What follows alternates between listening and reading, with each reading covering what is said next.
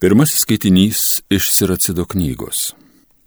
Viešpats pagerbė tėvą per jo vaikus ir patvirtina motinos teisės į jo sūnus. Kas gerbė savo tėvą, atsilygina už nuodėmės, kas gerbė savo motiną, kraunasi lobį. Kas gerbė savo tėvą, džiaugsis savo vaikais ir kai melsis, jis bus išklausytas.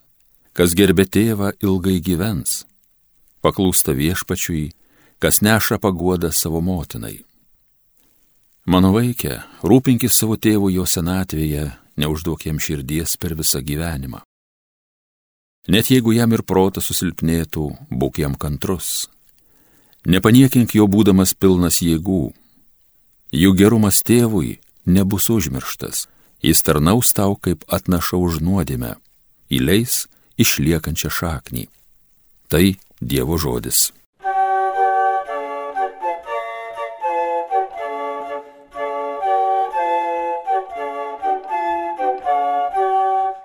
Laimingi, kurie pagarbiai viešpaties bijo ir laikosi jo kelio.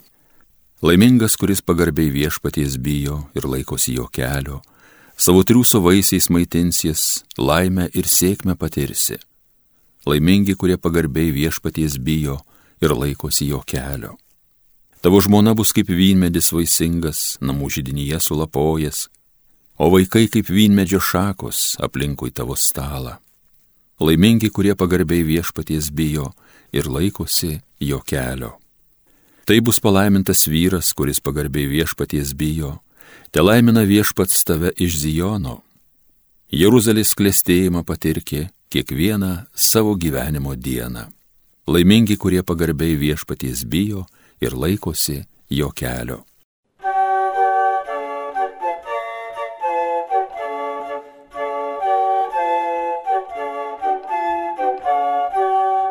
Antrasis skaitinys iš Šventojo Paštalo Pauliaus laiško kolosiečiams.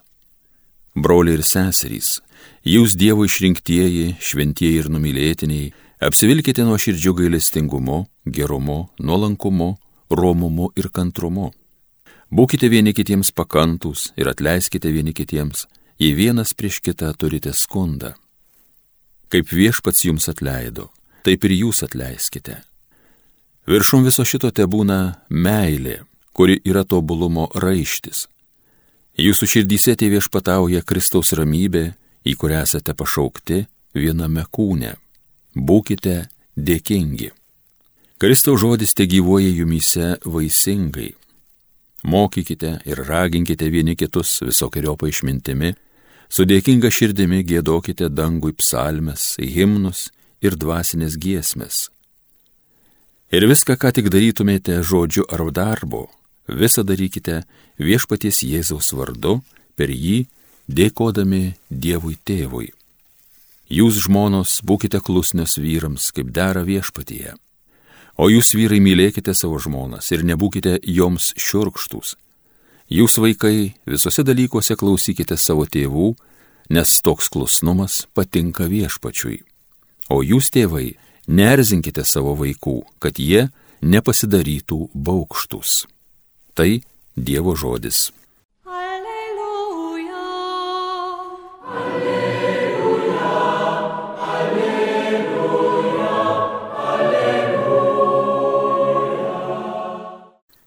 Daugel kartų ir įvairiais būdais praeitie Dievas yra kalbėjęs mūsų protėviams per pranašus, o dabar, dienų pabaigoje, jis prabilo į mus per sūnų.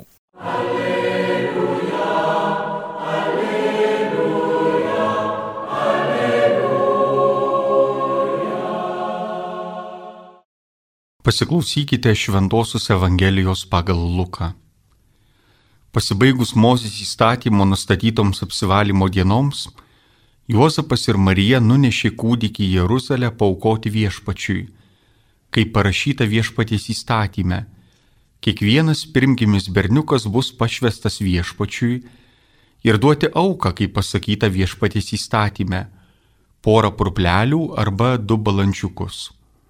Jeruzalėje gyveno žmogus vardu Simeonas. Jis buvo teisus ir dievo baimingas vyras, laukiantis Izraelio paguodos ir šventoji dvasia buvo su juo. Jam buvo šventosios dvasios apreikšta, kad jis nemirsęs, kol pamatysės viešpaties mesiją. Šventosios dvasios paragintas jis atėjo dabar į šventyklą.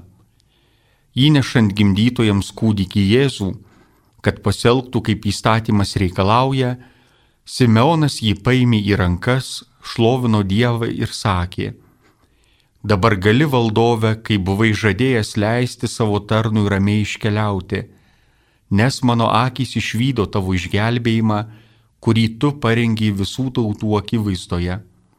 Šviesą pagonims apšviesti ir tavosios Izraelio tautos garbę.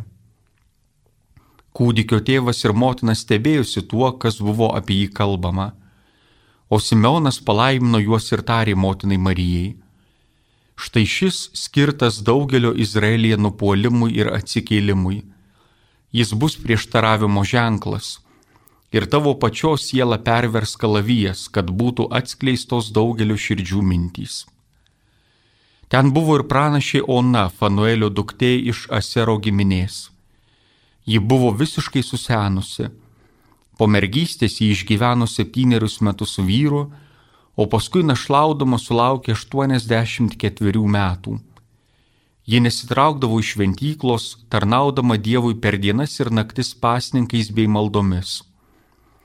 Ir ji tuo pat metu priejusi šlovino Dievą ir kalbėjo apie kūdikį visiems, kurie laukė Jeruzalės išvadavimo. Atlikę visą, ko reikalavo viešpaties įstatymas, jie sugrįžo į Galilėją, į savo miestą Nazaretą Vaikelis augo ir stiprėjo, jis darėsi pilnas išminties ir Dievo malonė buvo su juo. Girdėjote viešpatie žodį.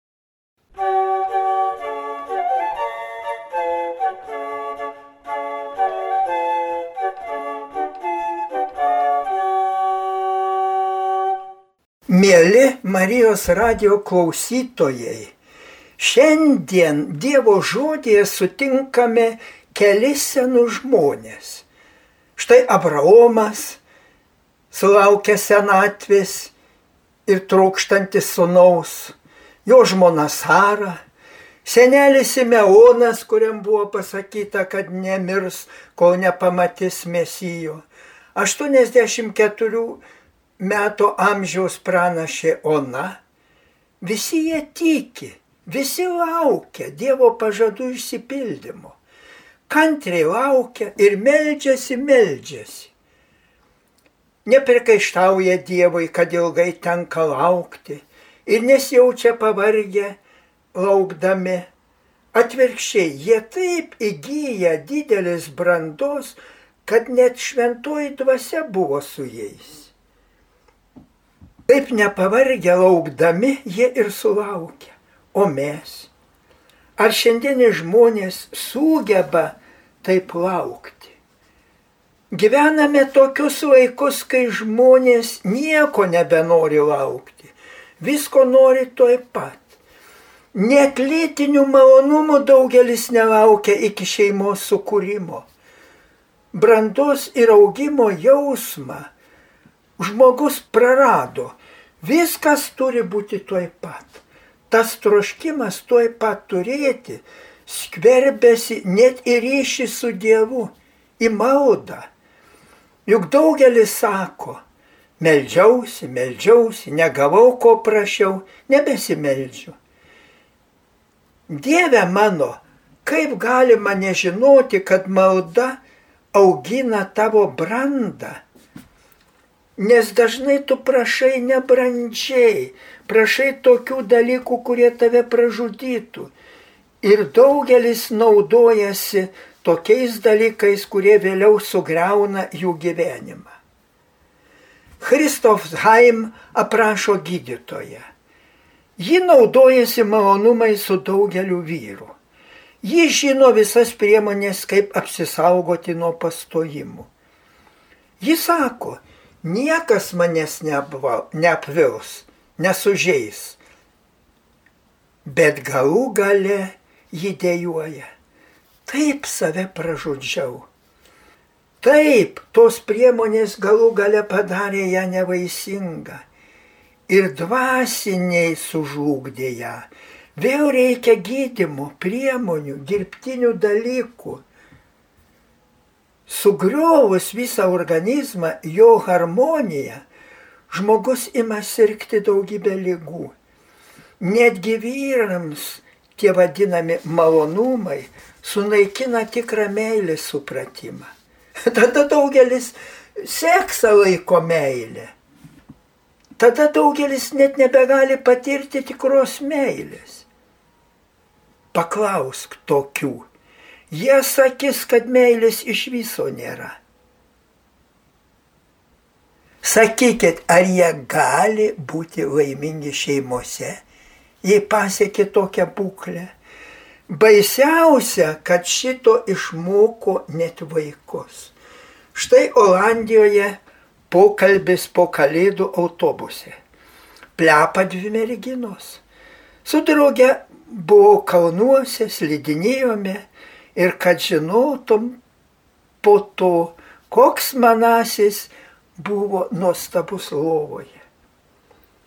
Vėl kalbasi du vyrai, matyt priekybininkai. Tikrai pasijuto tikros kalėdos, nes pirko atsakančiai. Ir staiga visiems nutyus autobuso gale sušunka vyras.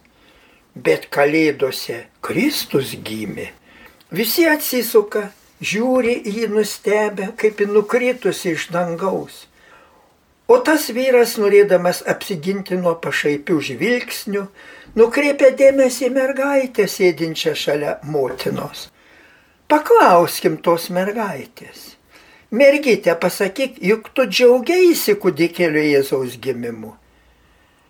Mergaitė smarkiai nusijuokia ir sako, ne, juk nėra jokio kūdikėlio Jėzaus. Piktai įsiterpia ir motina. Ko laikote mano vaiką? Mano Laura išmintinga mergaitė, viską jau žino.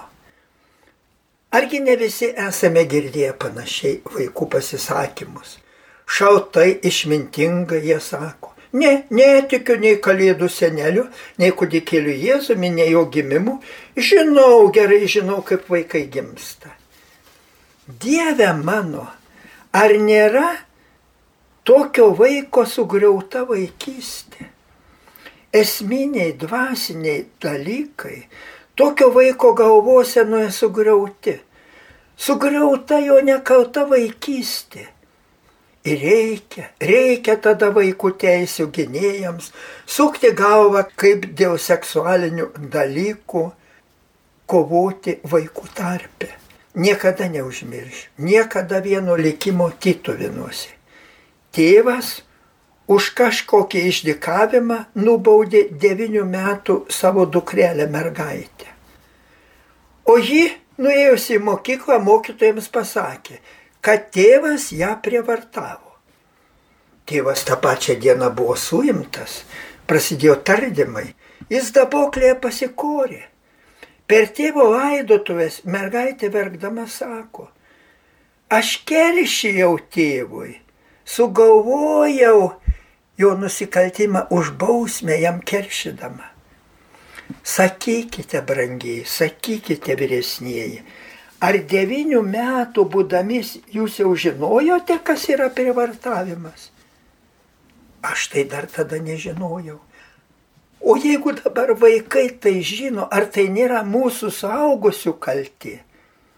Žinoma, daugelis pasiteisins, neįmanoma jaunimo ir net vaikų apsaugoti nuo televizijos, visokių kompiuterių. Bet ar pasikalbame su vaikais apie tokius dalykus, pajutę, kad juos jau pasiekė tokia informacija?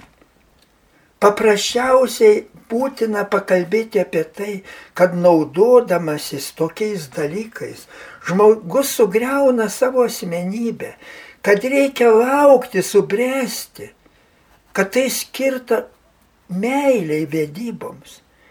Meilės neįmanoma pagal norą sukurti, užsisakyti per internetą ar per televiziją. Tam reikia subręsti. Žmogus geriausia bręsta atsivėręs Dievui, jo šventajai dvasiai, To šiandien mus moko seniai Simeonas ir Ona. To moko mus ir Kalėdų šventė, Jėzaus gimimo šventė, kurios dar tik šeštą dieną švenčiame. Jėzaus gimimas, ateimas į žemę padarė žmogaus kūną šventu. Pats Dievas tapo žmogumi. Kaip taikliai pasakyta evangelisto Jono. Dievas tapo kūnu. Taigi kalėdos kūno šventė. Kūnas skirtas pasaulio pabaigoje prisikelti ir amžinai gyventi danguje. Taigi kūnas šventas dalykas. Seniai dailininkai visi vaizduoja Jėzulį nuogą. Dievo motina nuogą krūtimi maitinančią Jėzulį. Argi tada kas skundėsi, kad tokie paveikslai vedė žmonės į palaidumą? Ne, niekas nesiskundė. Juk tai šventas dalykas, motina maitina kūdikį. O šiandien, kas darosi šiandien? Kūnas dažnai apnuoginamas tuščiai, tiesiog be jokio tikslo ar net velniškai, erotiškai, gundant. Brestant šeimai būtina susivaldymas, aukojimasis, kuklumas. Todėl šiandien šventasis apaštos Paulius antram skaitinį ir šaukia. Broliai seserys, jūs Dievo išrinkti šventi ir numylėtiniai. Ir skatina, skatina rūpintis tarpusavio meilę, tikrą meilę, ne geismu, bet meilę. My, vyrai turi mylėti savo žmonas, o žmonos būti klusnios vyrams. Šito moko taip nuoširdžiai, taip jautriai moko šventasis apaštas Paulius. Amen.